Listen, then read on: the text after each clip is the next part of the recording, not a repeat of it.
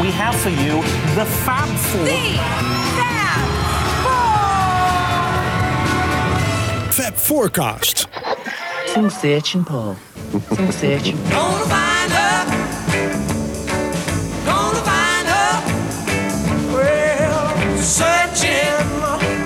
Yeah, honey, searching. Mm, searching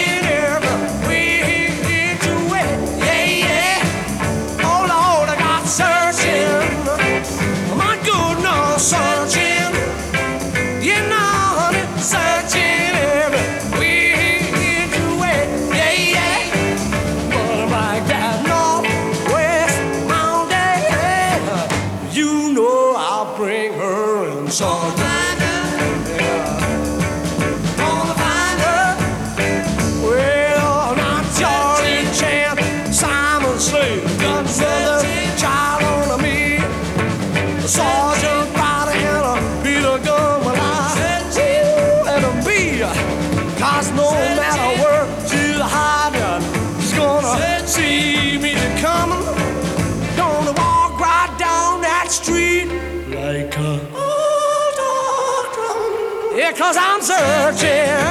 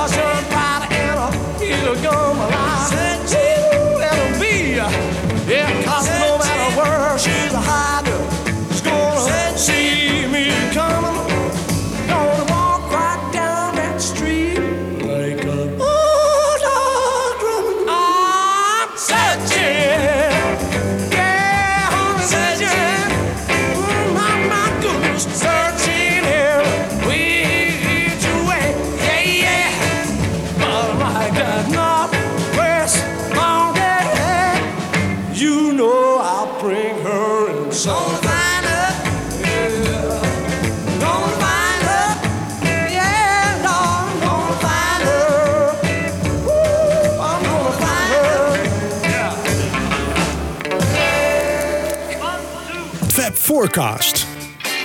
Fab Forecasters, welkom bij een nieuwe show van Fab Forecast. En ik zit hier natuurlijk weer met Jan Kees. en Michiel. En ja, Searchin was de opener eh, van deze show. Eh Dekka-opname natuurlijk eh, voor de kenners.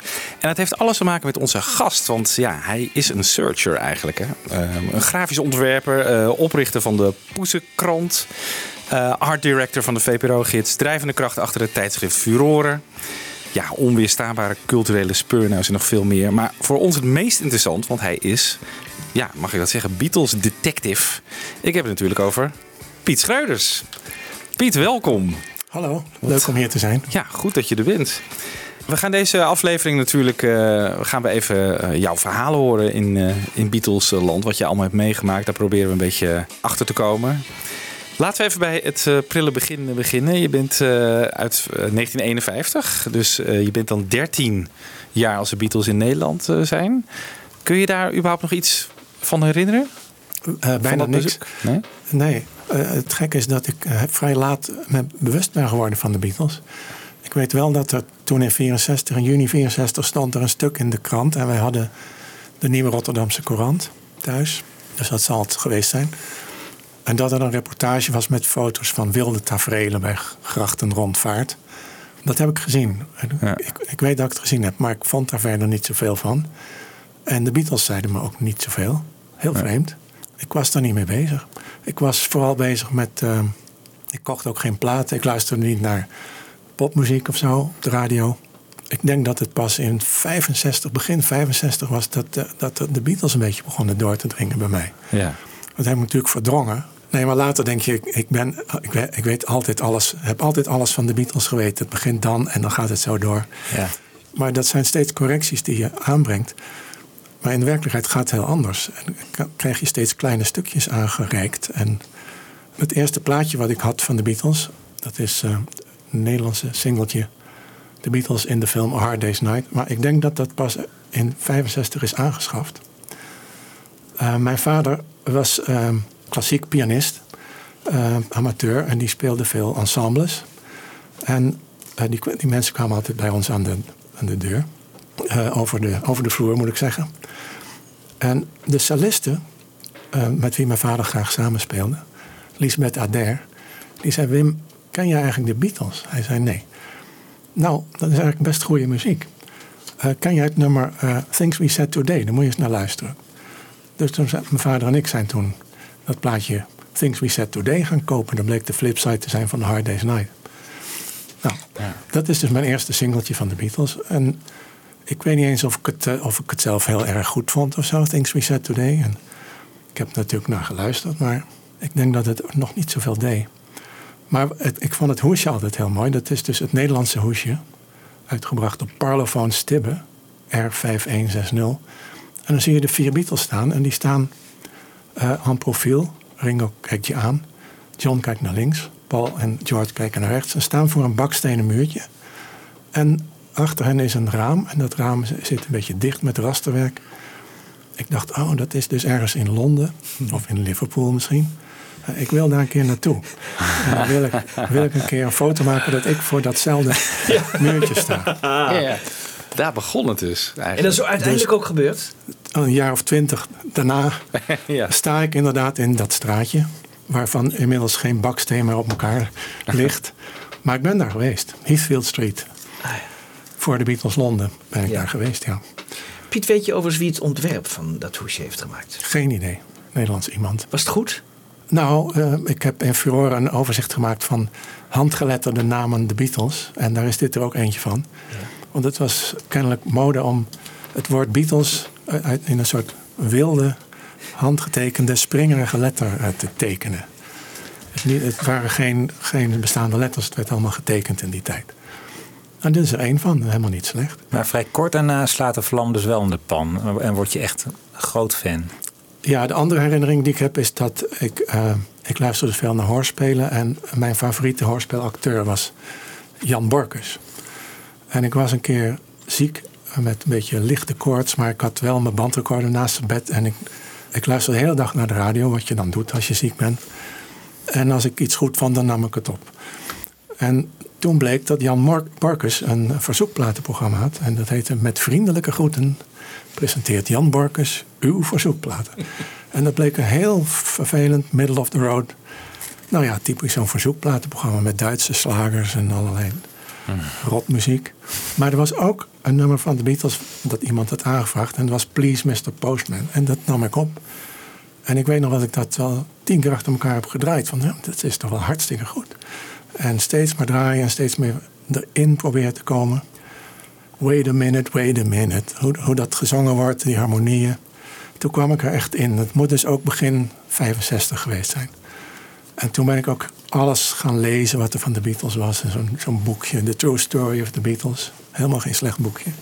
En toen ben ik lid geworden van de Engelse fanclub en alles. Nou, toen was het wel binnen een jaar echt- was ik wel fanatiek eh, fan. Ook met het bijhouden van plakboeken en zo. Je kocht alle platen? Nee. Nee, heel lang is, is de Hardest Night mijn enige singeltje geweest. Want ik was echt fanatiek bandenman. Als ik iets had opgenomen, dan had ik het. Eh, ook bij fotografie, bij eh, foto's van de Beatles die ik later ben gaan verzamelen. Als ik een kopie had, vond ik het ook goed. Het gaat mij om de informatie. En, en die liedjes, ja, die kon je heel goed van de radio opnemen. En Heb jij die nog de- met originele aankondigingen op die band staan? En die heb je nog steeds? Ja, ik heb heel veel banden nog, ja. ja.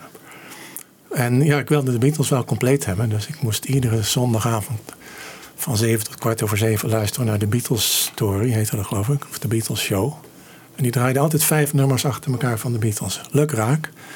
Maar ze, ze streepten ze wel af. Dus er waren bijna geen duplicaten. Dus als je maar lang genoeg door bleef opnemen, had je, Had je laatst- alles. Ja. Maar ik wist helemaal niets van de volgorde of hoe de LP's in elkaar zaten. Dat kwam pas veel later. Dat vind ik wel interessant.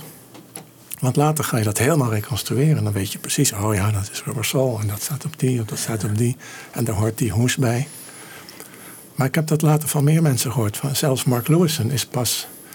Midden jaren zeventig had hij pas zijn platencollectie eh, compleet.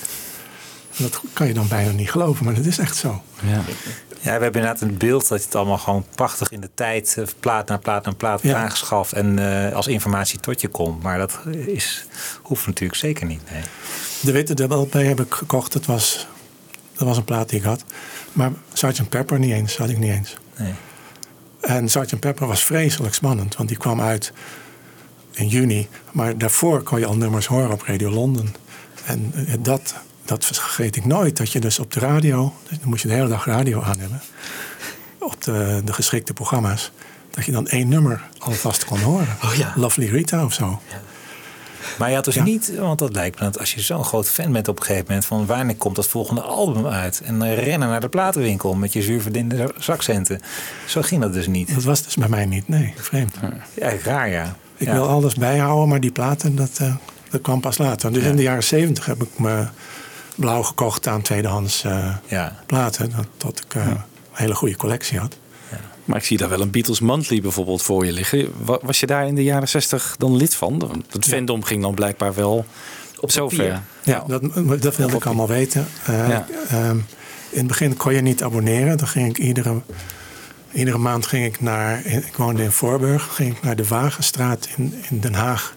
Daar was een winkel van Gelderen. Daar kocht ik de Beatles Monthly. Iedere maand. En veel later kon je...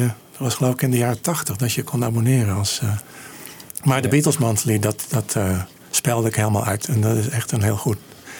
Goede bron voor informatie, voor En, foto's. en foto's, ja. We hadden natuurlijk een eigen fotograaf altijd mee met Ja, de Beatles. zeker. Dat is Ja. natuurlijk wel heel bijzonder. Ja. Je had Leslie Bryce, Ja. de hoffotograaf. En later krijg je Mel Evans, die gewoon ook eh, een fototoestel eh, meeneemt in de studio. En echt ongelooflijk wat, wat je dan allemaal ziet. En Ja. Helemaal tot 68 door, tot in India door ging dat. Ja. ja, leuk dat je even over eh, India begint, want je bent er net geweest. Wat was de reden van je bezoek daar? Eh, ik was in India omdat ik gevraagd ben door een Engelse filmmaatschappij om op te treden als then and now consultant. Zoals dat dan in het contract wordt omschreven. Eh, kennelijk had ik een reputatie opgebouwd als iemand die vaak toen en nu foto's naast elkaar zet en dan precies uitzoekt eh, welke eh, hoek en welke perspectief de fotograaf heeft gebruikt voor een bepaalde foto. Daar heb ik in Furore ook vaak eh, mee gewerkt. Nou ja, dat heb ik gedaan in India. Bij een film die nog moet uitkomen. ik- Waarschijnlijk eind dit jaar of begin volgend jaar. En die gaat heten The Beatles and India. Nou ja, Alles wat de in de verste verte te maken heeft met India. En wat te maken heeft met de Beatles. En hoe dat in elkaar verweven is. Piet, vertel eens even. eh, wij, wij hebben daar een beeld van, dat Rishikesh. Dat eh, ligt een beetje in, in de, in de bush bush. Eh daar, was iets van de, van de Maharishi, een, een, compound. Hoe moeten wij het ons voorstellen? Hoe groot is dat toen de Beatles daar waren? Hè? Want misschien is het nu wel anders, maar toen de Beatles daar waren. Hoe, hoe groot moeten we ons dat allemaal voorstellen? Het is een stukje jungle afgerasterd aan de oostkant van de Ganges. Het, grootste deel van Rishikesh ligt aan de westkant. Maar dan moet je dus een brug over. En dan kom je bij ja, wat verlaten landweggetjes en dan heel veel jungle en eh, strandjes van de Ganges. En op een gegeven moment begint daar dan de, wat nu dus heet de Beatles Ashram. Eh, de ashram van de Maha- Maharishi Mahesh Yogi afgerasterd, want het is eigenlijk een deel van de jungle die gereserveerd is voor tijgers en olifanten. Als je daar bent, dan hoor je ook de hele dag eh, wilde dierengeluiden. Ja. Ik, heb, ik heb er opname van. Ja, want dat, dat, dat moeten we even uitleggen, want dat is toch wel heel bijzonder. Hè? Eh, Als wij foto's zien van de Beatles in India, dan stellen we ons daar eigenlijk geen geluiden bij voor. Maar jij, en dat vind ik het bijzondere van jou, Piet, jij maakt dan een opname in de ashram van wat de Beatles op dat moment gehoord hebben. Want daar zal niet heel veel verschil van zijn. Hè? Eh, nee, dat, verandert niet. Hè? Dat, verandert 50 niet. Jaar. Nee, en wat hebben die Beatles dus die hele dag gehoord? En dat waren deze geluiden.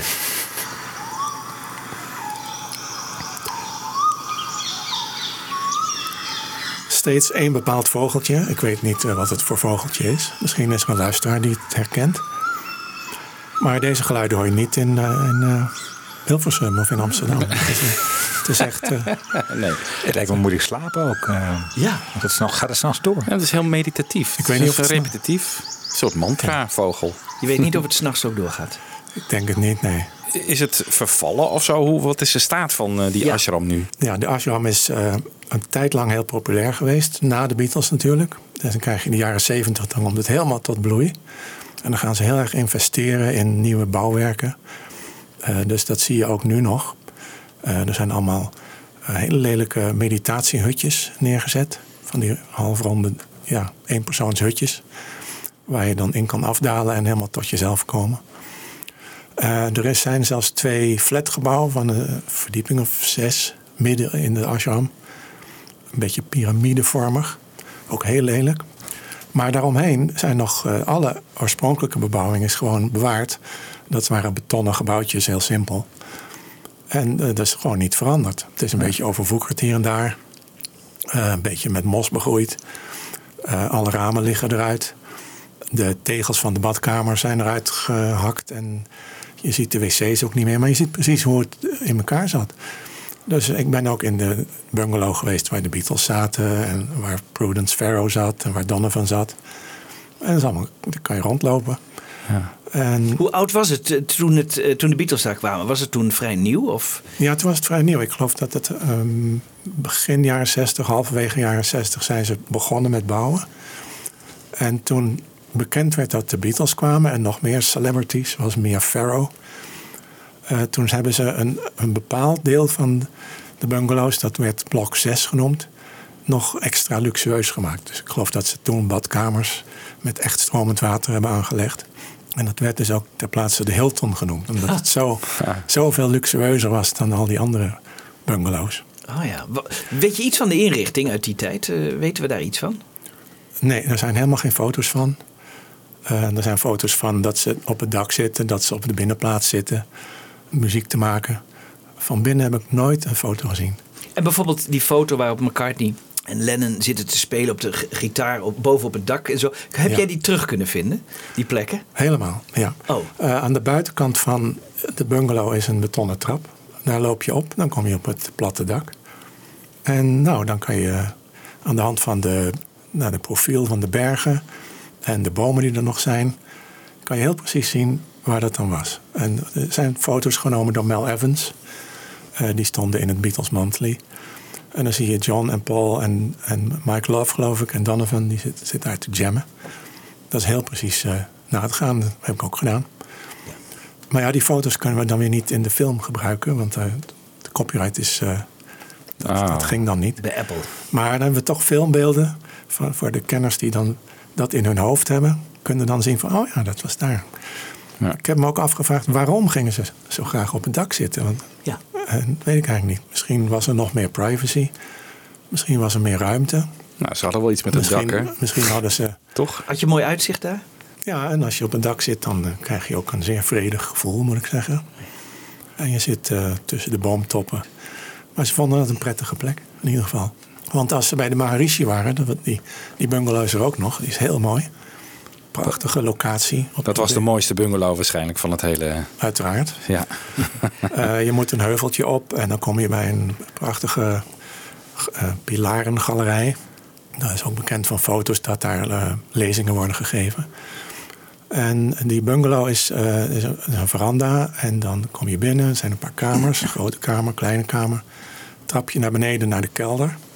Daar zijn ook verhalen over dat sommige dames mochten dan met de Maharishi mee de trap af naar de kelder. En dan zouden ze in hun oor een mantra gefluisterd krijgen. En eh, Oh ja. mochten ze dan aan niemand vertellen. En sommige dames vertelden dan dat ze twee harige armen om zich heen voelden. Dus dat hebben we ook gereconstrueerd, dat trapje en, eh, voor de film. Die harige armen ook. Maar, Oh, ja. maar die bungalow is heel mooi. En er is een trap in de bungalow. En daar ga je, dan kom je op de eerste verdieping. En daar is ook weer een dakterras. Ook weer overdekt half. En daar zaten de Beatles ook heel vaak. Er zijn foto's van dat ze er lekker op eh, luie stoelen zitten en zitten te praten. En je hebt daar uitzicht over de gangers. Eh, je ziet de zon ondergaan daar. Het is echt een hele mooie plek. Ik ben nu even in Google Earth aan het kijken. Het grappige is, als je in Google Earth inderdaad Beatles ashram intoetst, dan, dan zoeft hij daar zo naartoe. Ja. Je ziet dan het bovenaanzicht eigenlijk alleen maar van bomen. Ligt het daar nou onder eigenlijk? Is dat, is dat nou de plek? Dat is het, ja. Ja. Eh, als je het weet, dan, dan zie je nog een paar paden lopen. En Ja. je ziet een paar bungalows. Maar het is dus eigenlijk, en hoeveel, hoeveel vierkante meter is ongeveer die ashram? Wat, moet ik me qua grootte bij voorstellen? Nou, het is iets van 10 minuten lopen van, eh, van de, ingang naar het eind. En Ja, oh, ja. dat is nog wel flink. 12 Ja. minuten. Er zijn twee bruggen die de twee oevers verbinden. Dat zijn allebei voetbruggen. Eh, eigenlijk is de Ramjula dichter bij de ashram. Maar dan moet je een heel stuk naar het zuiden in, in Rishikesh en dan die brug over. Dat heb ik gedaan. En dan kom je vrij dicht bij de ashram. Is zes, zeven minuten lopen en dan ben je bij de ingang. Maar de meeste mensen gebruiken de Laxmanjula. Dat is een grotere brug. Ligt iets noordelijker. En de Beatles deden dat ook. En, en ze kwamen dus aan met auto's, drie of vier auto's, taxis of zo. Die stopt dan voor de brug. Dan moeten de Beatles uitstappen met hun handbagage. Lopen ze over de brug. Tussen de koeien en de ezels en, en alle journalisten. Daar zijn ontzettend veel foto's van. En die foto's hebben we ook gereconstrueerd. We we- weten ongeveer waar dat was. En eh, Ja, bijzonder zeg. dat, Ja. een, een bezoek aan Rishikesh zonder die brug is, is, Ja. is niet goed. En dan waren de beroemde groepsfoto's. Er zijn een aantal gemaakt. Hoeveel, zijn er, hoeveel groepsfoto's zijn er ongeveer? Oh, misschien wel 12 of 13 of zo. Maar er is één, een hele beroemde die gemaakt is door Paul Saltzman, de, de bekende documentairemaker en fotograaf. Die zie je altijd. Maar er zijn ook eh, heel veel outtakes. En ik heb een boek dat is vorig jaar uitgekomen, is verschenen, geschreven door Paul Mason. En dat heet geloof ik, ik weet het niet helemaal, hele lange titel, The Beatles, de Maharishi, Transcendentale Meditatie en India, zo'n soort titel. En het is eigenlijk ook geen boek, maar meer een, een file. Een soort hele dikke stapel papier. Met alles wat die man kon vinden over de Beatles, India, Maharishi. Maar die heeft heel veel eh, originele foto's opgediept, eh, amateurfoto's. En daar zitten ook heel veel eh, outtakes van die groepsfoto bij. En ook dat je de andere kant ziet en dat je een beetje naar links kijkt en een beetje naar rechts kijkt. En die heb ik allemaal natuurlijk verzameld om de locatie van die groepsfoto te kunnen vinden. Bovendien was er dus de, de dochter van de weduwe van de eh, manager. Die zei, ik weet met 100% zeker dat die groepsfoto daar en daar genomen is. Maar ik, ik wil altijd bewijzen hebben. dus ik wil altijd tenminste één boom kunnen herkennen. Of één hoekje van één huis. En dat kon ik niet. En bovendien waar zij naar wees, dat was helemaal overwoekerd door die lelijke meditatiekoepels. En er was dus helemaal niets te herkennen. Alleen de hoek, ja, het zou kunnen, want je ziet aan eh, achter, als je het weet, eh, zie je net als op de bekende groepsfoto, zie je een stukje rivier. En je ziet een stukje bergwand. En dat komt wel ongeveer overeen. Maar ik had op dat moment eigenlijk een andere locatie die mij meer aansprak en die veel meer erop leek. En er is ook een foto in de Anthology van Ringo Starr, die ergens, eh, die daar in India ook staat, met uitzicht op de ganges. En die plek heb ik met 100% zekerheid gevonden. En daar heeft hij dezelfde kleren aan als op die groepsfoto. Dus ik dacht, nou, dat moet dan daarom de hoek zijn. Dus daar hebben we veel gefilmd. En dat lijkt ook heel erg op de locatie van de groepsfoto. Alleen toen ik alweer terug in Amsterdam was, vond ik een klein bewijsstukje waaruit bleek dat het toch net iets ergens anders was. Oh jee. Eigenlijk moet ik terug. Ja. Ja. Maar gelukkig en toevallig eh, hadden we daar wel gefilmd. Op die goede plek. Dus er zijn toch wel filmbeelden van. ja. En dat wordt dus nu een film. Ehm, er was al een andere film in de maak, heb je al wat over verteld. eh, net voordat de show begon van die Paul Saltzman. Dat, Ja. dat project, eh, dat gaat misschien ook nog wel door. Maar er komt in ieder geval nu eens een andere film. Dat heet The Beatles en India. Ja. En eh, daar werk jij dus als een soort consultant aan mee. Wat, wat wordt daarvan, wat, ja, wat, wat weten we daar verder van? Je zei dit najaar al. Wat zijn de ambities en wat zijn de plannen voor die film?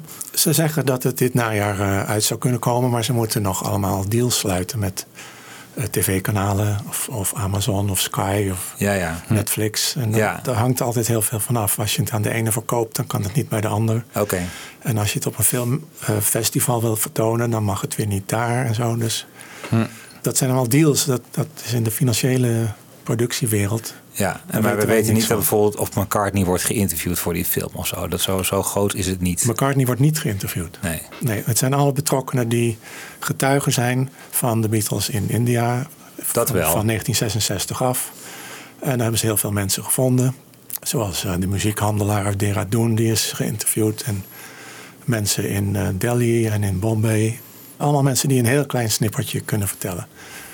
Eh, bij sommige van die interviews ben ik geweest, maar ik heb maar een heel klein stukje meegemaakt. Want het ging mij alleen om, om de Rishikesh-locaties. Maar ze hebben over heel India mensen gesproken. Ga je zelf nog wat met deze informatie eh, doen, Piet? Met, eh, Ja, ik hoop het wel. Ik, eh, ik maak af en toe een blad Furore, zoals je al zei. En ik, eh, ik heb net een nummer gemaakt helemaal gewijd aan de Beatles. En Ja. dat, eh, dat zal niet nog een keer gebeuren, denk ik. Maar ja, als er een, iets te vertellen is, dan zou ik dat zeker niet nalaten. En ik zit te denken aan een, een kort verhaal.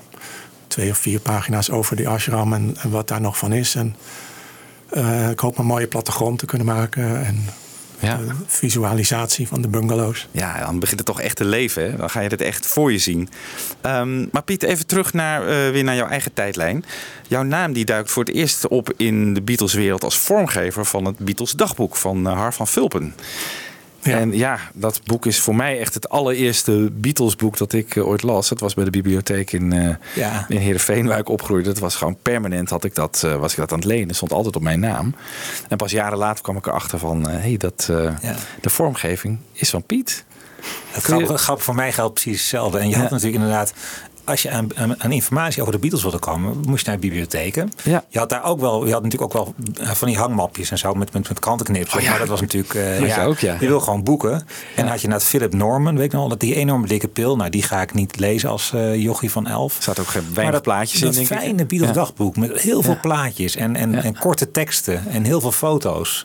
Ja, dat was echt een genot. Dat Ja. was toch heel belangrijk voor, voor En ook ons. nu nog, als je erin kijkt, staan er een hele hoop bijzondere foto's in die je eigenlijk nergens anders meer ziet.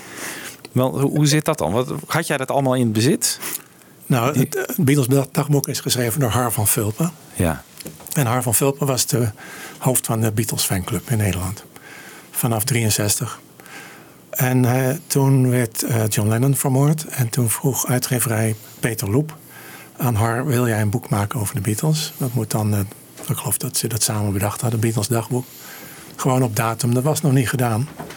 Dus het was een origineel idee. En het idee was om allemaal foto's van, uit Har zijn eigen collectie te gebruiken. En Har had ook zo'n stapel plakboeken en aanzichtkaarten en eh, weet niet. En dat mocht ik dan vormgeven. En zoveel mogelijk, eh, het was dus een lijst met data. En zoveel mogelijk bij iedere data een fotootje zoeken. Nou, dat was eigenlijk voor het eerst dat ik op die manier naar foto's ben gaan kijken. Van ja, welke datum hoort er eigenlijk bij? En dan kom je verschillen tegen in verschillende boeken. Ik bedoel, eh, je ziet een foto van de Beatles in de studio met eh, John in hemdsmouwen. En daar, staat erbij eh, opname van Love Me Do. En bij de volgende staat opname van Please Please Me. En bij de volgende boek staat opname van From Me to You. Er staan drie verschillende sessies. Wat, ja, wat is dan de waarheid? Er is dus meer over te, uit te vinden. Toen we met dat boek bezig waren, kwam ik steeds meer foto's tegen van fotografen. Die ben ik bij elkaar gaan zoeken. En het was eigenlijk mijn idee om die foto, sommige fotosessies, eh, inderdaad foto's naast elkaar af te drukken. Dus ook outtakes. Bijvoorbeeld de foto van With the Beatles van Robert Freeman. Daar zijn wel twee of drie outtakes van. En meestal kijken de Beatles heel serieus, maar er is er ook een dat ze lachen enzovoort. En ze zijn van positie veranderd. En als je dat naast elkaar ziet, dan gaat dat, heeft een heel speciaal effect. Dan gaat dat leven. Dus dat heb ik in de Beatles dagboek een paar keer gedaan. Fotosessies uitgezocht en als spread afgedrukt. En een van die spreads was ook het springen in de lucht in Liverpool. Ja. Door Dessel Hofman. En ik kwam steeds meer foto's tegen van die Dessel Hofman. En Har had er originele glansfoto's van met de handtekening van Dessel Hofman. Wat is dat voor man? En hoe zit dat precies met die, eh, met die sessies? Had ik me nooit afgevraagd, laat staan, me erin verdiept. En ineens voor dat, door dat boek kwamen we erachter van, daar zit een verhaal achter. Want die man die leefde gewoon nog. Ik heb het opgezocht in het telefoonboek. Hofman, 20 Gerrard Street, Londen. Heb opgebeld. Ja, jullie, jullie kunnen langskomen. Ik heb, ik heb 20.000 foto's. Eh, kom maar langs. echt? Dus in januari 82 waren Har en ik eh, in Soho en eh, gingen een trapje op bij de studio van Deze Hofman. En dat was mijn eerste interview met een fotograaf van de Beatles. En dat was, dat was zeer grensverleggend eigenlijk. Ja. En hij heeft wat verteld over hoe dat gekomen was. Hoe hij tot de Beatles is gekomen. Hij moest naar, een, een fan had hem geschreven en toen is hij naar Liverpool gegaan. En toen heeft hij ze gefotografeerd en toen zijn, is hij ze gaan filmen. Maar als je mijn foto's wil gebruiken in een boek, dan moet je naar Rex Features gaan. Dat was zijn agent. Daar zijn we naartoe gegaan. En daar bleken ze dus alle contactafdrukken van Denzel Hofman te hebben. Zo'n stapel van al zijn sessies met de Beatles. En er was een lijst bij met data, onderwerpen en contactafdrukken. Dat vond ik fantastisch, want op die contactafdrukken zie je dus al die outtakes. Je hebt één foto van vier Beatles met grijze pakken, maar er zijn er in werkelijkheid wel vijftig. Ja. En als je die één voor één laat zien, die contactafdrukken, dat zijn negatieve, dan zie je dus de negatiefnummers opstaan. Dus als je die in de volgorde legt van 1 tot 12 en je laat die achter elkaar zien, dan krijg je eigenlijk een soort filmpje. Ja. De fotografen hebben dat nooit zo bedoeld. Die, hebben, die maken contactafdrukken om even snel te kijken van wat is de beste. Die neem ik, die niet. Die wel, die niet. Maar wij kijken naar een contactafdruk en wij zien het als een stukje geschiedenis. eh, Bijna als een soort film. Wat deed de fotograaf van moment tot moment? Hoe veranderde hij zijn camera-instelling? En wat deden de Beatles op dat moment? Eh, Was er eentje die niet in de camera keek? Was er eentje die een sigaret opstak? Al dat soort dingen zie je dan. En in Beatles dagboek is eigenlijk de eerste publicatie waarin dat eh, heel bescheiden eh, naar voren komt. Verder Ja. ik me enorm voor dat boek, omdat alle informatie en alle foto's, bijna alle foto's die erin staan, komt uit andere boeken. En die boeken hebben natuurlijk fouten. Dus er staan enorm veel fouten in dat boek. Ja. En, als je dus een boek maakt wat gebaseerd is op data. En die data kloppen niet, ja, dat vind ik wel een beetje gênant. Oké, dus die 5 mei 1967 dat Paul zijn snor eraf scheert, Michiel, dat is misschien dan wel Oh niet waar. Weet ik niet uit mijn hoofd. Zou, het zou best waar kunnen zijn, maar Oh ik durf niet mijn Staat in het boek. hand ja. in het vuur te steken. Daar hebben we echt analyses op losgelaten. Die Ja. kunnen dus gewoon nu in de prullenbak.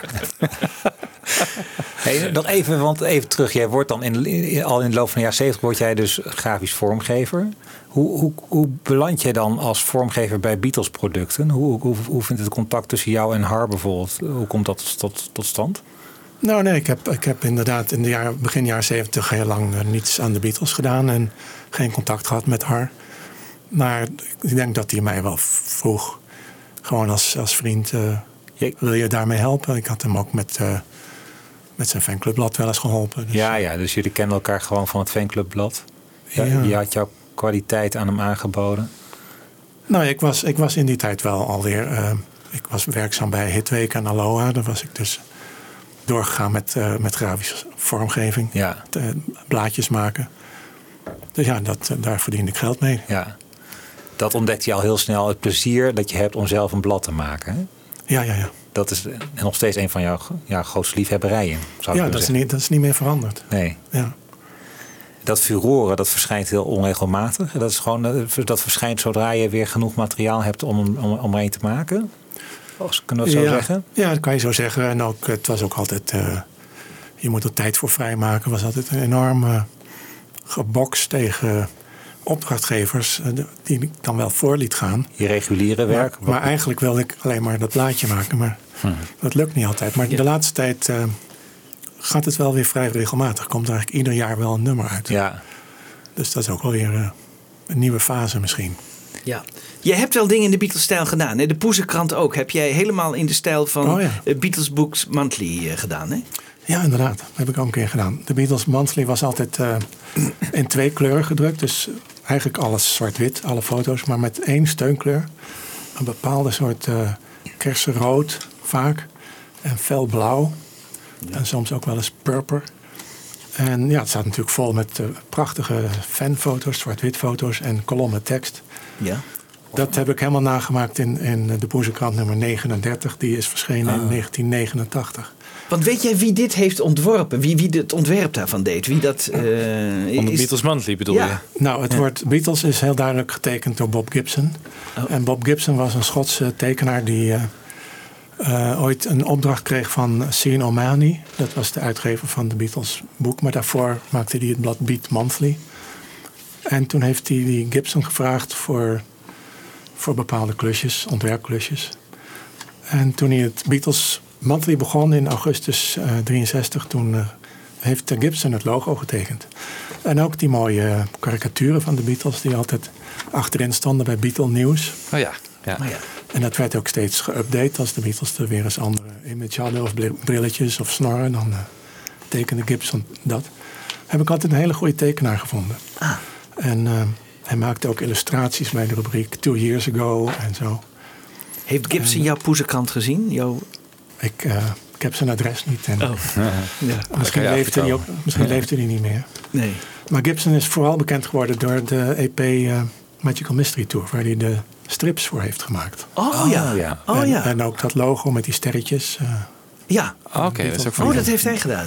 Ja. ja, dat is echt een Beatles eh, typograaf, een Beatles eh, illustrator. Oh, die Ja. naam kom je eigenlijk helemaal nooit tegen in Ja. eh Beatle-boeken. Tenminste, ik niet. Terwijl hij toch best wel... eh, hij verdient wel een apart boek, denk Ja. ik. Ja. Ja. Hij is vereeuwigd in de kathedraal van Madrid. Oh ja? Ja, daar staan al die sterretjes boven. Hebben ze in de hele Beatles-stijl hebben ze zo'n heel dak gedaan. Ja, heel bijzonder. Ach, Ja. Ja, in de stijl mooi. van Magical Mystery Tour. Ja. ja, want heeft hij veel dingen ontworpen voor de Beatles? Gewoon het... is bijvoorbeeld het Beatles logo dat op de drum eh, van Ringo staat ook van zijn hand, dat jij weet? Of is dat weer wat anders? eh, het Beatles logo is van, eh, bedacht door Ivor Arbiter, een handelaar in drumbenodigdheden in Soho. En die heeft het laten uitvoeren door een letterschilder Eddie Stokes uit mijn hoofd. Eddie Stokes, ja. Dat staat in Furore onder andere. Met de beroemde T. De, de Ja. Drop T-logo. Ja. En, en er zijn geloof ik zeven verschillende versies van. Want ze hadden steeds weer een nieuw logo nodig. In Amerika hadden ze er eentje nodig voor de Ed Sullivan Show. En het was goedkoper om dan in New York een, een drum te kopen dan om het over te vliegen. Oh ja. Dus hebben ze, en het moest ook goed leesbaar zijn op tv. Dus hebben ze een heel vette versie gemaakt die ik heel- helemaal niet mooi vind. Maar voor de Amerikanen is dat eh, je van het. Dat is dat het Beatles Ja, logo. het officiële Beatles logo volgens hun. Ja. Ja. Maar je hebt een, een logo in de film Help en je hebt een logo in de film Let It Be. En die zijn allemaal, allemaal net een beetje anders. ja. Ja. En de eerste vind ik eigenlijk de allermooiste. Uit, eh, uit juni 63. Ja, heel, ja. heel sierlijk en, en eh, Smalle letters. Hè? smal. Ja. Ja. Want dat- jij, jij zegt Past Masters vind je het, het lelijkst. Past Masters is absoluut een dieptepunt. en, De officiële uitgave ook nog. Maar wat zo vet is, zo vet. En, en inderdaad, hele gekke afrondingen en, en rechte stukjes. Dat lijkt echt helemaal nergens op. nee. Zit er een copyright op dat logo? Ja, ja, ja. Ik geloof vrij laat, maar de Beatles hebben dat geregistreerd. Ik denk in de jaren negentig. Oh, toen pas, jeetje. Bij, Ja. de, bij de Anthology of zo. En sindsdien moet je dan eh, betalen als je het wil gebruiken. Ja, ja. Of eh, je moet toestemming hebben. Ja. Ik wilde een keer het omslag van het, het boek The Beatles London... wilde ik dan het woord Beatles uit het Beatles letter doen. En dat mocht dan wel als ik 250 pond eh, overmaakte op Apple. Maar dat vond ik overdreven. ja. Dus dan heb ik het woord Beatles uit de Gill gezet en het woord Londen uit de Beatles letter. Dan kon ik er geen betaal tegen maken. Heel goed. Ja, briljant.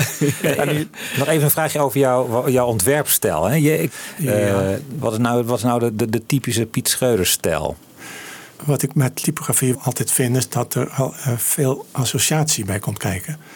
En dat is vaak, eh, voor mij is dat bewust, maar voor de gemiddelde lettergebruiker is dat totaal onbewust. Maar het speelt wel mee.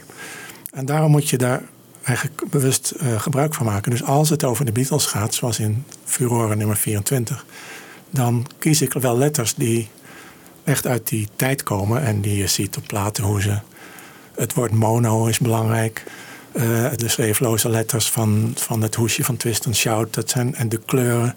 eh, het feit dat het een beetje ernaast gedrukt is. Dat zijn allemaal ja, een beetje period eh, effecten. Eh, waar je natuurlijk ook eh, voorzichtig mee moet zijn. Want het wordt gauw kitscherig. Maar ik probeer het zo te doen dat het eigenlijk nauwelijks bewust is, maar dat, dat je een beetje wordt daar naartoe getrokken naar een bepaalde sfeer die je misschien herkent, maar misschien herken je hem helemaal niet als je nog nooit dat oude drukwerk hebt gezien. Maar het heeft toch iets heel speciaals. En dat hoort voor mijn gevoel heel erg bij de Beatles. Ook het feit dat het zwart-wit drukwerk is. Eh, dat omslag althans. Eh, ja, de Beatles zijn heel zwart-witachtig in mijn idee. Veel eh, zwart-witte silhouetten. Hard Day's Night. Rennende figuren door Londense achterbuurten. Dat is heel erg de Beatles. Ja. Ja. Heb jij nou ook meer een fascinatie voor de jonge Beatles dan voor de latere periode Beatles? Of? Nee, ik heb eigenlijk... Ja, als fan ben ik heel erg voor de late Beatles. Rubber Soul, Revolver heel erg. Pepper, Paperback Writer. Dat heb ik echt bewust meegemaakt en dat zal nooit veranderen. Dat is iets wat je als jongen Ja. inprent en dat is gewoon de, de top. Eh, en het gekke is dat ik helemaal niets wist van 63. En daarom, door dat boek van Harvan Vulpen, Beatles dagboek, werd ik met mijn neus gedrukt op die, de hele voorgeschiedenis met Denzel Hofman en, en daarvoor nog. Dat er zoveel gebeurd is in het hele jaar 63 in Engeland. En toen dacht ik, nou, dat, dat, is, dat ligt braak. Dat is een, stuk researchgebied wat nog niet eh, onderzocht is. Ja. Eh, je kan allemaal in- mensen gaan interviewen, allemaal fotografen, die leven allemaal nog. Eh, wat heb je gedaan? Zijn er contactafdrukken? Mag ik die zien? Eh, daar wilde ik toen een boek van maken. Dat heb ik dus bedacht in 82, 83. Het boek is nooit verschenen. Ten eerste omdat ik het nooit heb afgemaakt. En de, de reden is eigenlijk dat, dat dat nooit gaat lukken. Omdat je nooit alle copyrights krijgt. Het enige waar je op kan hopen is dat, er ooit een, eh, dat je een website zou kunnen maken waar dat een beetje gedoogd wordt. En ook niet van en- als je Apple met dat idee zou benaderen of zo. Van eh, ik heb eh, echt een heel origineel idee om te doen. Ja, ja, nou een tijd lang had ik heel goed contact met Apple, met de fotoman daar. En dat was eh 89, 90. Eh, de fotoman was Tommy Henley, die ook de Beatles eh, veel gefotografeerd heeft. En die zag eh, heel erg, die, ik heb heel veel met hem gepraat en die zag het idee wel heel zitten. En toen waren we inmiddels ook met Beatles Londen bezig. En dat ik eh, ja, zo gek was om plattegronden van Russell Square te gaan maken. Met, waarop iedere tegel terug te vinden is. En dat je dan kan zien waar deze Hofman met zijn rechtervoet stond. En waar George Harrison met zijn linkervoet stond. En hij zag wel dat dat zin had. Dat je dus, het was een heel erg eh, schetsmatig stadium. Maar hij, hij begreep dat dat een serieuze kwestie was. En dat het wel iets zou kunnen worden. En eh, hij is heel erg tot steun geweest daarbij. En we hebben dus ook voor de eerste en ook de tweede versie van de Beatles Londen eh, verschillende Apple-foto's kunnen gebruiken.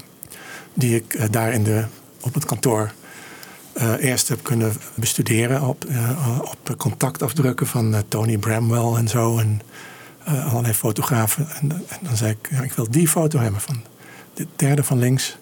Daar zie je eh, de hele groep Beatles met aanhang en fotografen in Wapping Pierhead staan op de Mad Day Out. Daar staan alle fotografen die ertoe doen. En dan kreeg ik zo'n afdruk. En het was- ging heel erg goed. Ik geloof dat we een stuk of 20, 30 Apple-foto's hebben gebruikt. Tommy Henley is eh, in de verleiding gekomen om op, een op een dag, toen ze met de anthology bezig waren in 95, een foto te maken van de Threetles. De drie overgebleven Beatles. En die stond op de voorpagina van de Daily Mirror op een ochtend. En dezelfde ochtend is hij ontslagen bij Apple. Kon naar huis gaan. En sindsdien, ja, er zijn, er zijn anderen gekomen in zijn plaats. Maar Nou, dat was wel jammer voor jou dan. eh. Dan was je contact kwijt daar. Nee, die andere heb ik ook wel contact mee gehad. Maar ja, het, het is nu wel erg bekoeld ook tussen Mark Lewis en Apple. Dus eh, ik denk niet dat een, eh, een derde druk van de Beatles Londen nog veel Apple-foto's zal bevatten. Maar dan hebben we wel weer iets anders bedacht. Maar het is wel eens een hele gelukkige tijd om, om zo diep in de Beatles te duiken natuurlijk. Met al die fotografen die nog leven. Ja, Ja. eh, Die nog nooit 80. benaderd waren. Ja. Natuurlijk, ja, de timing extreem gelukkig natuurlijk. ja, ja. Ik heb zelfs Angus McBean gecorrespondeerd. Dat was de fotograaf van de Please Please Me hoes, zoals je weet. Nou, dat had niemand ooit gedaan. En daarna ook niet. Nee. Hoe reageerden dat soort fotografen dan? eh, want die zijn dan ook nog nooit daarover geïnterviewd. Terwijl ze twintig jaar later eh, nog hadden geleefd, dan waren ze waarschijnlijk op elke Beatles-conventie uitgenodigd eh, die er was. Als jij bent dan eigenlijk het, het eerste contact van een Beatle-fan met zo'n fotograaf geweest. Hoe reageerden zij? Ja, Engels McBean had ik een beleefde brief geschreven. En dat deed je dan in die tijd. Er was, geen- Ja. was zelfs nog geen fax. Na een tijdje kreeg ik antwoord. En eh, ik, heb, ik heb hier toevallig de, de brief van Angus McBean eh, bij me. 16 april 1986. Dear Mr. Schreuders. It is of course an awful long time ago. But as I remember it, it went something like this. Joan Healy of EMI Dubbele punt. I know you don't want to be bothered with these groups, but our group photographer is away ill. We've got this group from Hamburg and we want the picture urgently. Can you do them tomorrow? Your studio, just a simple shot for an EP. Me. What are they called and how many are there? Joan Healy. Oh, four or five, the usual lot. and they are called the Beatles. The Beatles, they can't be. Neely beating on the desk. Beat, beat, Beatles. Oh, all right. I suppose it makes some sense. En zo gaat hij door. Hele lange brief, handgeschreven. En hij schrijft dus ook over hoe hij in Manchester Square komt. En die vrij spontane foto neemt van onderaf in het trappenhuis. I got to the new EMI house in Manchester Square, and as I went into the door, I was in the staircase well, and someone looked over the banister. I asked if the boys were in the building. The answer was yes. Well, get them to look over, and I will take them from here. It was daylight, and I only had Kingston color loaded. Also, I only had my ordinary portrait lens, so to get the picture, I had to lie flat on my back in the entrance. En dat verhaal was nooit verteld. Ik vond het fantastisch. Dus Ja. dat, eh, Heeft hij ook de reconstructie gemaakt? ja, ja, een paar jaar later. eh, Ja, het is hij fotograaf ook over. in eh, Ja. 69. Ja. Die op de 62, nee, de 67, 70 blauwe dubbelaar eh, Ja, staat ooit bedoeld voor Get Back eigenlijk. Ja, voor die, Get ja. Back en, eh, Ja. hij schrijft erover. eh, well, it must have been just about six years later that I was asked to go again and repeat the shot as they now looked. Very hairy indeed. we had thought their hair was very long for the first shot. It was, in fact, about as long as a typical bank manager now. Uh, so when I got there, I couldn't retake the shot. A new porch had been built, and I could not get into the same position. However, EMI asked if I could come back in a week, and could the Beatles also. And meanwhile, the whole new porch was pulled down, and we tried again. Wow. And typically, Ringo Starr was so late that the staff of EMI was streaming down the stairs for lunchtime. I got the camera fixed up, and John Lennon, fascinated, I think, by photography, came and lay down beside me to look into my viewfinder. I can still hear the screams of the EMI girls as they realized who they were stepping over to get out of the door. Fantastisch verhaal, toch? Ja, geweldig. En dus dat soort kleine verhaaltjes eh, konden we dus verwerken in eh, het boek The Beatles London. Ja. Zouden daar en- outtakes van zijn, eh, Piet? Er zijn, ja, er zijn oh, van, die, van die nieuwe. Jij en de oude? Ja, ik geloof dat er een stuk of zes of zeven zijn. Zijn er ook niet Meer een paar denkt. weggegooid door een schoonmaakster eh, een Dat- paar decennia geleden? Ja, er is ook een verhaal. Dat, bij, weet ik, dat ken ik niet. bij Apple. Ja, volgens mij bij Apple, ja. Die moest er weggegooid. Dat er heel veel foto's zijn weggegooid. Van de, eh, volgens mij de 63 eh, sessie.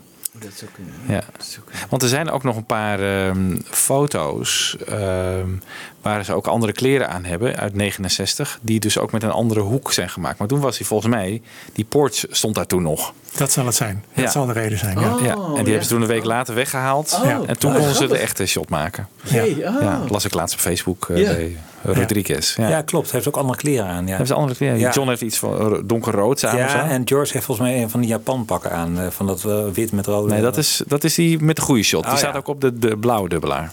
Heeft John en. George hebben daar die witte eh, 66 pakken aan. Die Budokan eh, pakken, Ja. Ja. Ehm, ik wil het even wat uitgebreider hebben over het boek dat je samen met eh, Mark Lewison maakte, De Beatles Londen. Dat boekje is eh, ja, heel vaak met me mee op reis geweest naar Londen. En in het boekje heb je alle plekken in kaart gebracht. Nou ja, niet alle, maar heel veel plekken waar de Beatles geweest zijn in de jaren 60. En veel van die plekken heb je zelf gevonden en in kaart gebracht. Een plattegrondje erbij, echt fantastisch. Maar hoe is dat boek ontstaan? Nou ja, de Beatles Londen was eigenlijk al min of meer af. eh, ge- geschreven door Mark Lewison. Die heeft het meeste zoekwerk gedaan.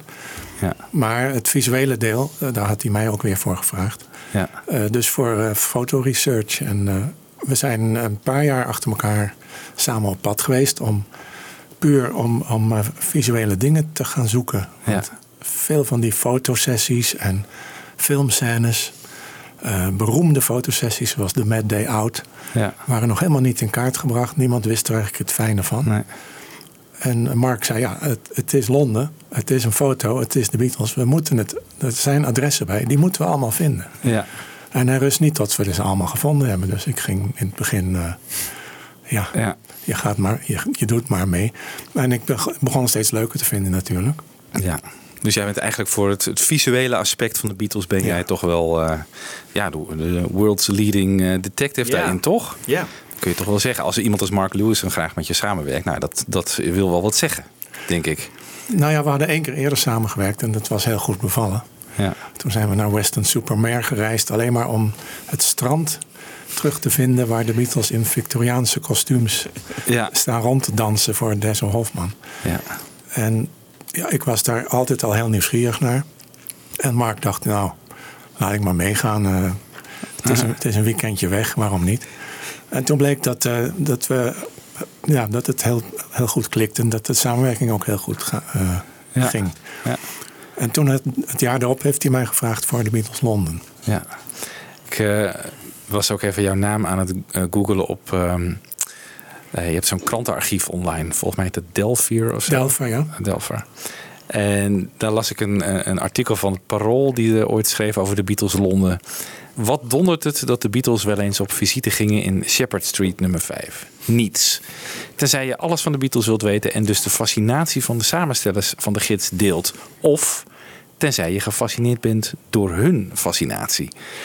Dus ja, ik, ik wil wel beweren dat voor mij beide stellingen op zich al opgaan. Want voor de Beatles heb ik een fascinatie in waar zij allemaal geweest zijn. Maar ook voor jullie werken, van jouw werk en van Mark's werk en zo. Eh, Ben jij wel eens gefascineerd door je, door je eigen fascinatie eigenlijk? Want het is wel heel bijzonder. Er lopen geen, loopt niet nog een andere Piet Schreuders rond ergens. Neem ik aan. Dat zei ik laatst ook tegen je. En toen antwoordde jij, dat is maar goed ook. Nee, dat weet ik niet, maar Ja, dat is. Wat jij eerder zei, van dat het eigenlijk heel normaal is, zo'n boek, eh, De Beatles Londen, met een Ja. plattegrond. Ja, eh, het spreekt toch vanzelf dat als je het hebt over Russell Square, dat daar dan even een plattegrondje bij staat. Ja, En dat, zo voel ik het ook. Het is eigenlijk heel normaal, alleen het moet wel gemaakt worden. Het is best een hele klus. ja, Ik, ik ben geloof ik wel drie keer terug geweest met het vliegtuig naar Russell Square. om die zeshoekige tegels goed ja, in, in beeld te brengen. En dan natuurlijk zal de gemiddelde beschouwer dan zeggen, die man is gek. Maar ik denk, ik heb steeds in mijn hoofd een boekje wat al klaar is, wat bij de drukker ligt, ja, wat al in de boekwinkel ligt. En waar de lezer even snel wil zien, waar waren die plantenbakken. En dat is het enige wat, wat ik wil doen. En, en dat geldt voor al die verhalen en al die beelden. ja. Het moet een functie hebben. ja Dus zo, zo gek vind ik het allemaal niet. Eh, ik vind het wel heel leuk om te doen, natuurlijk, anders Ja. zou ik het niet doen. Ja. Maar ik vind het mooie. En er, zijn, er zijn heel veel verhalen te vertellen over individuele zoek- zoektochten. Ik heb er al een paar verteld. Eh, misschien nog eentje. Ehm, Ja, laten we de, nog fla- even doen. de flat van de Beatles. je leest in de Beatles boek nummer 5, Kerstmis. Je slaat het open en je ziet een foto van vier Beatles die in hun eigen Londense flat zitten. Die zitten dus fanmail te bestuderen. En later werd dat bekend als hun Green Street flat. Ja, Dus je, je maakt een boek over de Beatles Londen. Ja, dan moet dat, dat adres van de Green Street flat moet er toch wel als eerste in staan. Maar niemand wist precies het adres. En er zijn natuurlijk altijd heel veel manieren waar- waarop je ergens achter kan komen. Kijk maar op het internet. Er zijn, ik bedoel, een zoektocht is nooit uniek. Bij mij was het zo. Ik keek naar die foto en ik zag, kijk, wat, wat zie je uit het raam? ja, En wat je uit het raam ziet, ja, dat zijn een paar flatgebouwen. Hé, hey, ineens was er een moment dat ik zag van hé, hey, dat is het Hilton Hotel. En voor, vlak voor het Hilton Hotel, één raampje naar links, zie je de Amerikaanse ambassade op Grosvenor Square. Dus moet het mogelijk zijn om een lijn te trekken op een goede plattegrond van het Hilton Hotel naar het eerste raampje van de Amerikaanse ambassade. En dan moet je uitkomen op een adres in Green Street. Bovendien had Mark een interview gehouden met een discjockey die tegenover de Beatles had gewoond in Green Street. Maar hij wist niet meer welk nummer het was. Maar hij dacht, ja, het is 57 of 59. Eén van de twee. Het was geloof ik één portiek ook. En toen heb ik op die plattegrond van Londen een lijn getrokken. En die kwam heel duidelijk op één adres uit. En dat was, wat was het, 59. toen hadden we een adres. Maar ja, het moet natuurlijk nog wel even bewezen worden. dus Adam Smith was onze man die altijd met, met een motorfiets naar een locatie ging om even een foto te maken. Dus hij is daar naartoe gegaan. Toen zag hij dat het, he- het hele blok Green Street in de steiger stond. En het was een zondag, was niemand aanwezig. Ah. Dus hij dacht, ik klim even naar het dak. Ja.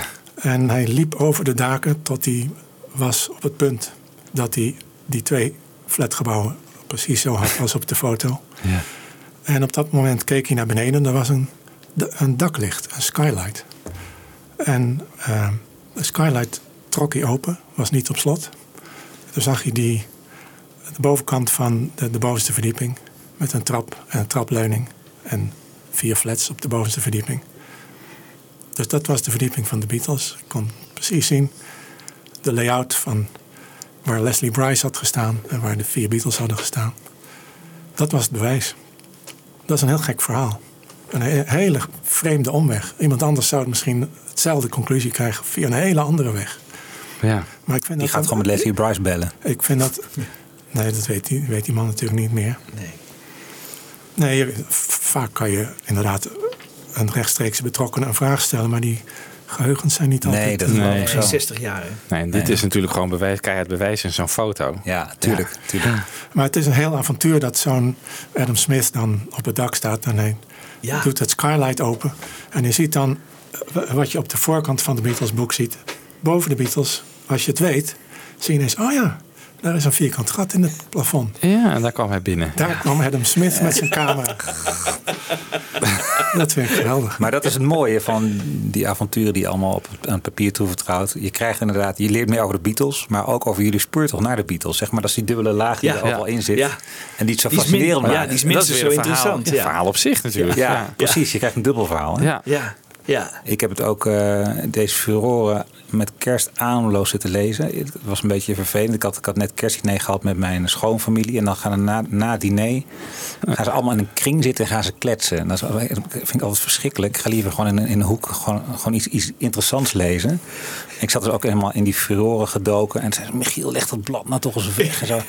Maar ik kon ze ook op wijzen dat, dat het gerechtvaardigd was dat ik, erin la- dat, ik, dat ik aan lezen was. Want wat staat er bovenop die furoren aan de voorkant? The world's most interesting publication. dus ik kon wel zeggen, ja, het is niet niks wat ik hier lees. nee, dus die, die, ik vind het heel, heel terecht dat je Ja. alle bescheidenheid in dit opzicht laat varen. Ja, het, het is eh, ironie, maar toch klopt het ergens Ja. wel. Ja, Ja. Ja. Ik, eh, nee, maar dat, dat zit toch wel een soort oprechtheid in. Het is zo fascinerend om dit te lezen. Ik, je leest het heel anders dan elk andere Beatles-publicatie. ja, dat is zo. Ja, ja. Ja. De, de kleinste lettertjes, eh, de Ja. kleinste voetnoten. Echt. Dat, nee, maar dat is ook echt zo. Elke letter is, is, is. Er zitten grapjes in. Hier al. Wat voor andere eh, producten en instanties de naam Furoren dragen, bijvoorbeeld. Hè. Dan heb je gezegd, daar hebben we allemaal geen enkele band mee. Dus al die kleine grapjes zijn ook zo, zo, maken het zo leuk om te lezen. Ja, gelukkig. Ja. Gelukkig maar. Ja. Ja, heel bijzonder. Nou, ik zeg het ook even voor de schaarse luisteraar die misschien dit blad nog niet heeft. Ja. Die kan hem nog steeds bestellen, neem ik aan. Op furoremagazine.com. Ja. Ja. Ja. Mooi. Zeker doen, zeker doen. Ja. Ja. En een van jouw grote projecten, en dit staat ook in Furore, is natuurlijk ook de rondvaart eh, geweest. Om dat eh, weer in kaart te brengen. De hele tocht. ja, dat is eigenlijk een van de makkelijkste zoektochten ooit. Want ik woon in Ja. Amsterdam. Ja. Dus je, eigenlijk kan je alles in een middagje op de fiets eh, terugvinden. Heel wat anders dan al die zoektochten in Londen. Ja. Laat staan India. Maar het is wel een soort project geweest dat jou jarenlang heeft bezig gehouden. Ik kan mezelf nog een dagje, een avond herinneren in een theater in Amsterdam. Zo'n klein theater. Ja, Dat je zo- Torpedo. Torpedo. Ja, het Parooltheater, ja. Ja, daar heb je een soort theaterpresentatie gegeven. Eh, waarschijnlijk in 2014. Ja, Want toen kwam het boek eh, The Beatles in Holland uit. precies. Oh ja, door Henk van Gelder, Jan Kees ter Brugge Ja. en Lucas Lichtenberg. En ik sta ook als een van de auteurs vermeld. Eh, en daarin hadden we ook al een beetje het verhaal van die rondvaart heel, heel eh, ja, gedetailleerd Ja, opgeschreven. precies. Echt al vanuit, vanuit ja, hier zijn ze dan, hier maken ze de hoek. Of, eh, en, en, en, en daarna ben je dat verhaal nog veel verder voor jezelf gaan inkleuren tot, de, tot de reportage die nu in Furore staat.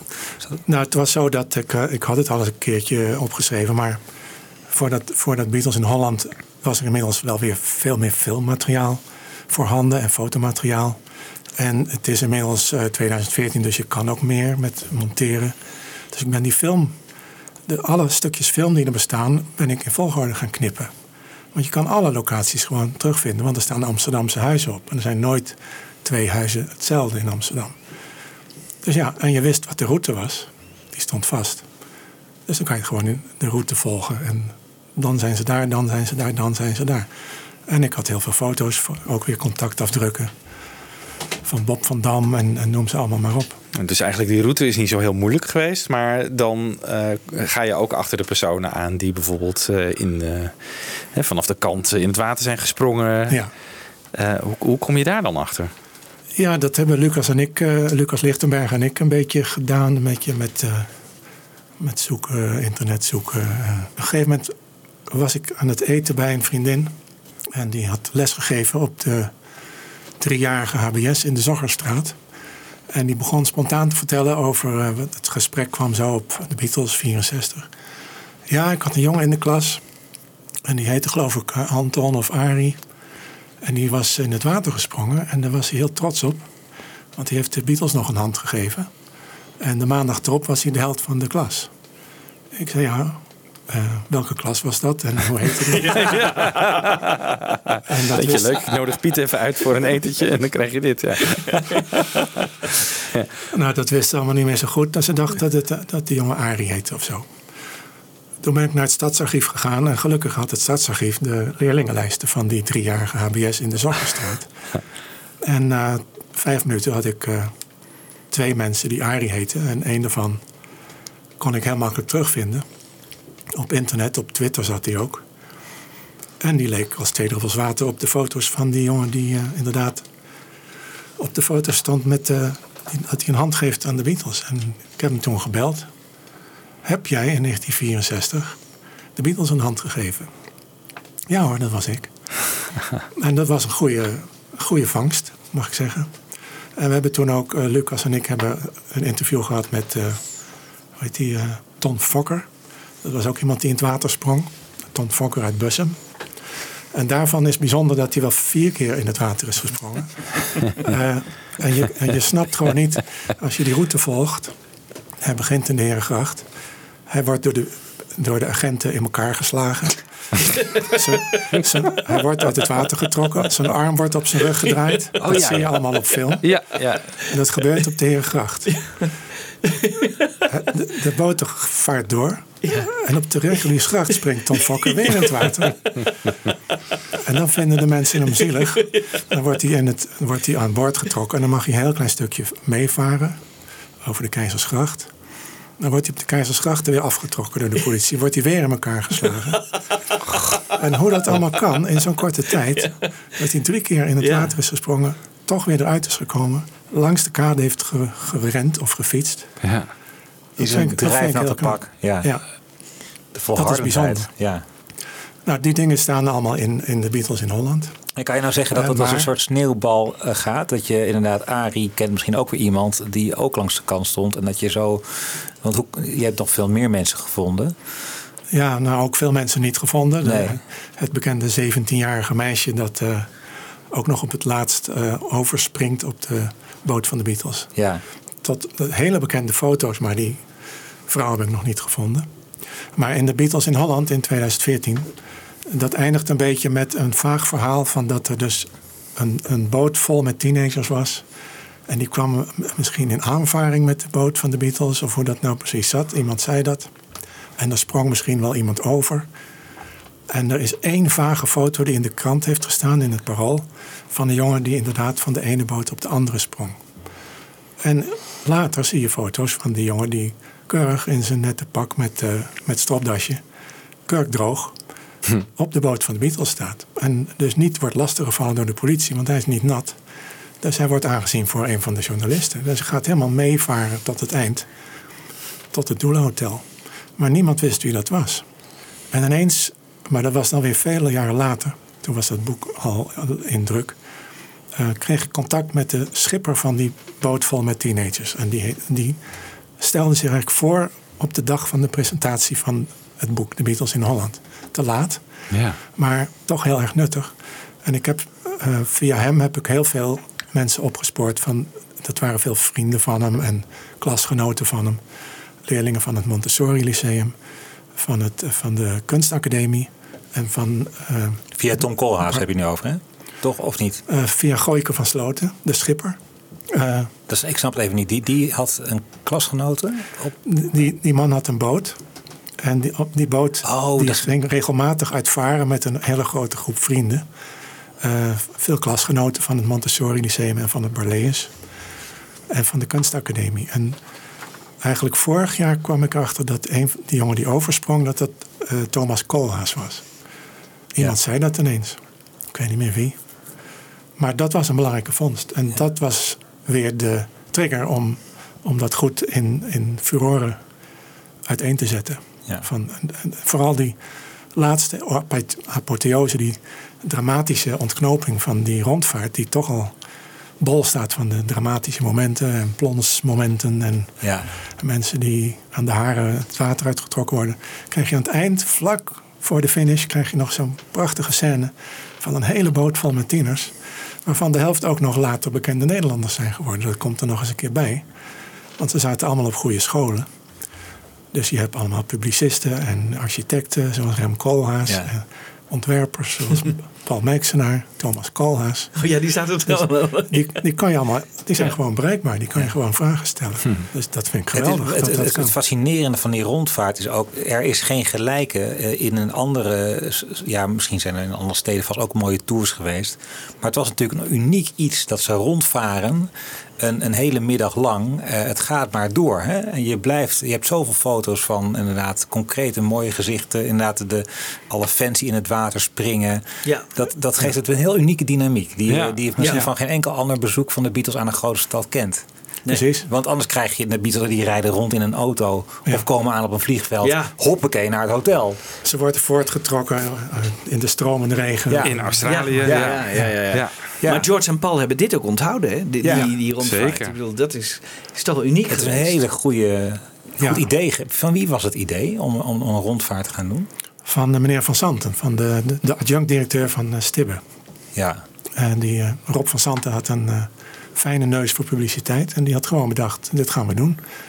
En eh, hij heeft het helemaal bedacht, heeft de route bedacht. Het is een persconferentie. We nodigen de hele pers uit van de hele wereld. En ze kunnen vrij met de Beatles praten. De Beatles kunnen ook vrij rondkijken. De fans kunnen alles zien. ja. Het zijn eigenlijk twee vliegen in één klap. Ja. Gewoon eh, fans konden kijken en Ja. de journalisten konden hun vragen stellen. Er werd Ja. nog een plaats, eh, geloof ik, eh, onthuld. Hè? Een, een EP of zo voor, eh, op de Amstel. Dus eh, een nieuwe EP van de Beatles werd eh, ook ten doop gehouden daar. ja. In, lang heb- die boot. Herman Stok herinnert zich dat de boot heeft stilgelegen bij het Carré. Ja. En dat daar de nieuwe single werd gepresenteerd, Long Tall Sally. Ja. Oké. Nou, als er een nieuwe single wordt gepresenteerd en je hebt 30 fotografen aan boord. Waarom is er dan nul Ja, foto's dat- van Dat die heeft mij ook presentatie? verbaasd. Ja. Nee, dat kan niet kloppen. Nee, dus gewoon dat, niet kloppen. nee, oh, dus dat... dat ja, en er ja. zijn, je ziet ook de boot die, gaat, die komt uit de, wat is het, uh, Prinsengracht. Hij slaat linksaf en dan kom je meteen bij de Magere Brug. En dan krijg je die scènes bij de Magere Brug. Er is geen moment dat ze nog naar Carré zijn gegaan. Ik denk dat hij in de war was met een ander, Oh, andere dat zou heel goed eh, kunnen. stunt. Of andere En Piet, wat mij altijd heeft verbaasd, er waren meerdere cameramensen aanwezig. Hè? Dus eh, filmcameramensen. Maar er zijn er maar heel weinig beelden van bekend. Hè? We, we kennen alleen het NOS-journaal en het Polygoon-journaal eigenlijk. Maar niet al die, an, die, die andere cameramensen die er waren. En da, daar moet filmmateriaal... moeten buitenlanders zijn geweest... die moeten filmmateriaal er hebben gemaakt. En, Ja, maar het ja. is nooit naar buiten gekomen. Dat heb, heeft mij altijd zo verbaasd. Ja, jij weet er meer dan- van dan ik, denk ik. Ja, ik moet nog eens. eh, ik ken een van de cameramensen die op die boot heeft gezeten. Die moet ik nog eens gaan vragen of hij die andere herkent. Want daar moet meer filmmateriaal. Dat zou natuurlijk geweldig zijn als we, dat, als we, als we alsnog filmmateriaal ergens kunnen vinden van die boottocht. Dat zou natuurlijk. En dan gaan we een eh, documentaire maken. Ja, Een filmdocumentaire. ik voor voel een al andere tijden in 2024. Ja, ja. ja. Ja. Wat, wat zijn nu nou nog jouw Beatles-projecten? Dus een toekomstige furoren over India hoor ik al wel aankomen. Althans, een, een paar pagina's daarin. ja, dat, eh, Update Beatles Londen eh Misschien. heb je ook Ja. over gehad. ja. Ja. Daar ben je nu mee bezig? Of, eh? Ja, op, op een laag pitje, maar ik ben er wel mee bezig. En, eh, eh, een van de auteurs is eh, vrij ernstig ziek, Adam Smith. En dat gaat dus stro- stroef. Maar ik, ik zie dat wel nog wel lukken. eh, Ja. Dat dat gaat komen. En dan maakt het niet uit dat je van een hoop foto's van Apple niet meer gebruik kunt maken. Nee, we maken gewoon een hele nieuwe opzet, een nieuwe editie. En er zijn genoeg foto's eh, de laatste tijd. eh, Ja. fanfoto's ook, eh, zonder copyright. dingen, die, dingen, dingen, Foto's die je nooit ziet en die toch heel duidelijk de, de locatie laten zien. Daar maak ik me niet zo druk om. Nou, gelukkig maar. Ehm, waar zullen we mee afsluiten? Eh, want Piet, ik heb jou gevraagd naar jouw favoriete Beatle liedjes. Eh, die heb je niet, zei je. Eh, maar is er toch een nummer waar we mee kunnen afsluiten? Ah, misschien een stukje van de kerstplaat 66. Oh ja. Dat vond ik, dat vond ik echt een openbaring. Dat, ja, ik hield dus zelf altijd van tekenen en schrijven en hoorspelen maken en toneelstukjes. De Beatles deden het allemaal. En dan komt er ineens een singeltje wat gratis wordt uitgedeeld aan alle fans. ja. En dat kreeg ik met kerst 66 inderdaad. En de, de voorkant is ge- volgetekend door Paul McCartney. De achterkant is beletterd door Paul McCartney. Ze hebben sketches erop gezet met allemaal originele liedjes. Het is een beetje mooi vormgegeven door Paul. Nou ja, in de, in de geest van de tijd met van die eh, krullige, krullige letters. Echt 66. 66, 67. Originele, originele Beatle-nummers. Please don't bring your banjo back. Everywhere it's Christmas. Je valt van de ene verbazing in de andere. Dus eh, misschien kan je daar iets van draaien. Nou, leuk kerstliedje zo midden in de zomer. Dat eh, gaan we. gaan we. Piet, heel erg bedankt. Bedankt. Ja, bedankt Piet. Everywhere it's Christmas. Everywhere it's on. London. Hey! And New York. Tokyo, Hong Kong. Oh, everywhere it's Christmas. And I'm off to join the chart. Everywhere is Christmas. Year. Oh, everywhere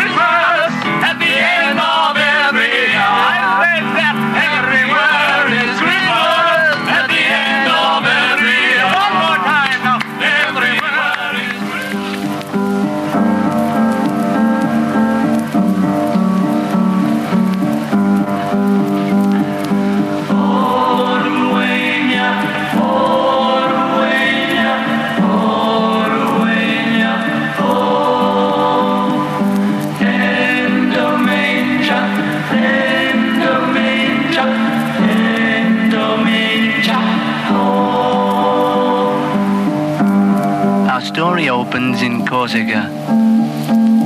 On the veranda is a bearded man in glasses conducting a small choir.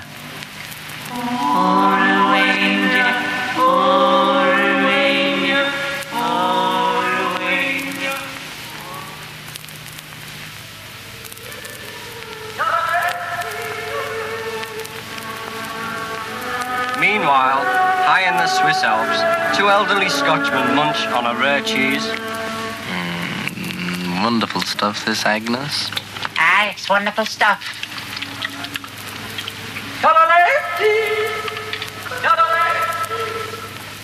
I'm standing in the entrance to the main tent. Immediately behind me, the festivities have already begun.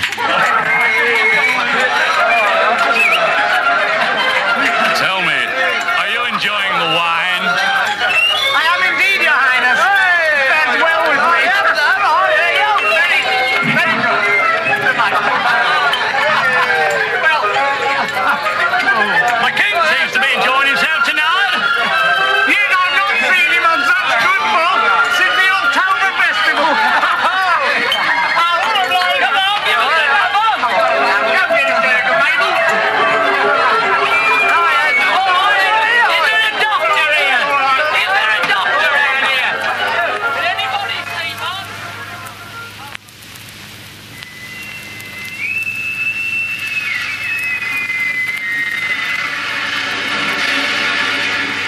Same time as this, in the captain's mess on board HMS Tremendous, a toast is being proposed. To Her Majesty! To Her Majesty!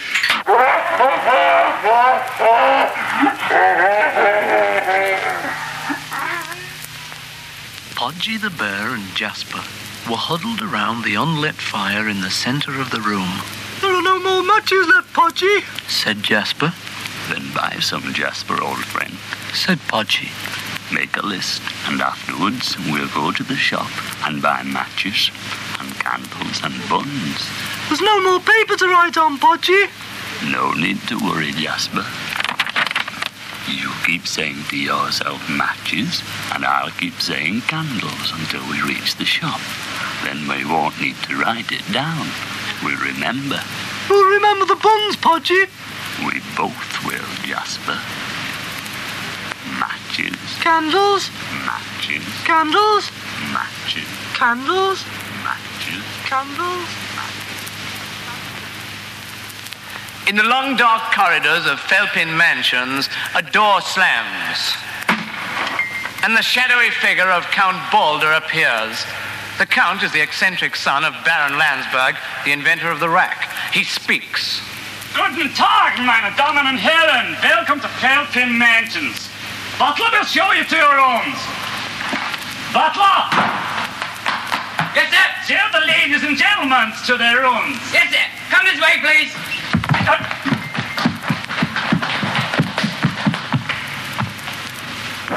Come in. May I come in? Come, come in, Count. May I? Oh, yes, come in. Ah, thank you. I was wondering if you knew any of the songs from the good old days. Oh, my goodness. Yes, don't you worry on that score. Uh, I hear the Baron likes, uh, I hear the Baron likes a good old tune. Yes, I do.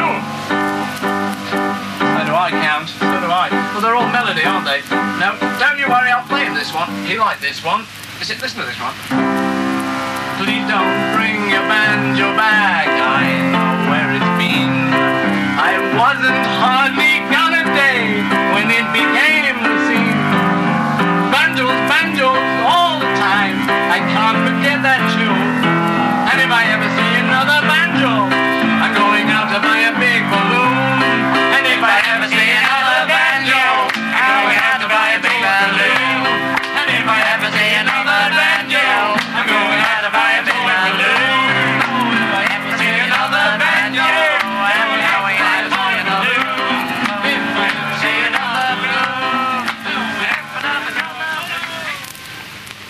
Yes, everywhere it's Christmas. Everywhere it's Christmas. Everywhere it's on.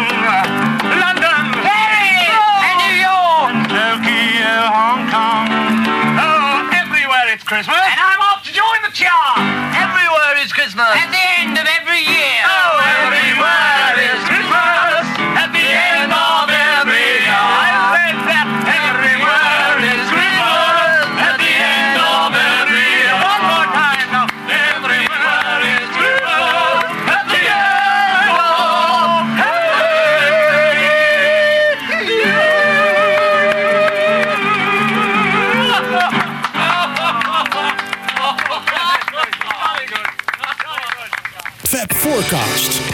Ook naar Fab Forecast via beatlesfanclub.nl.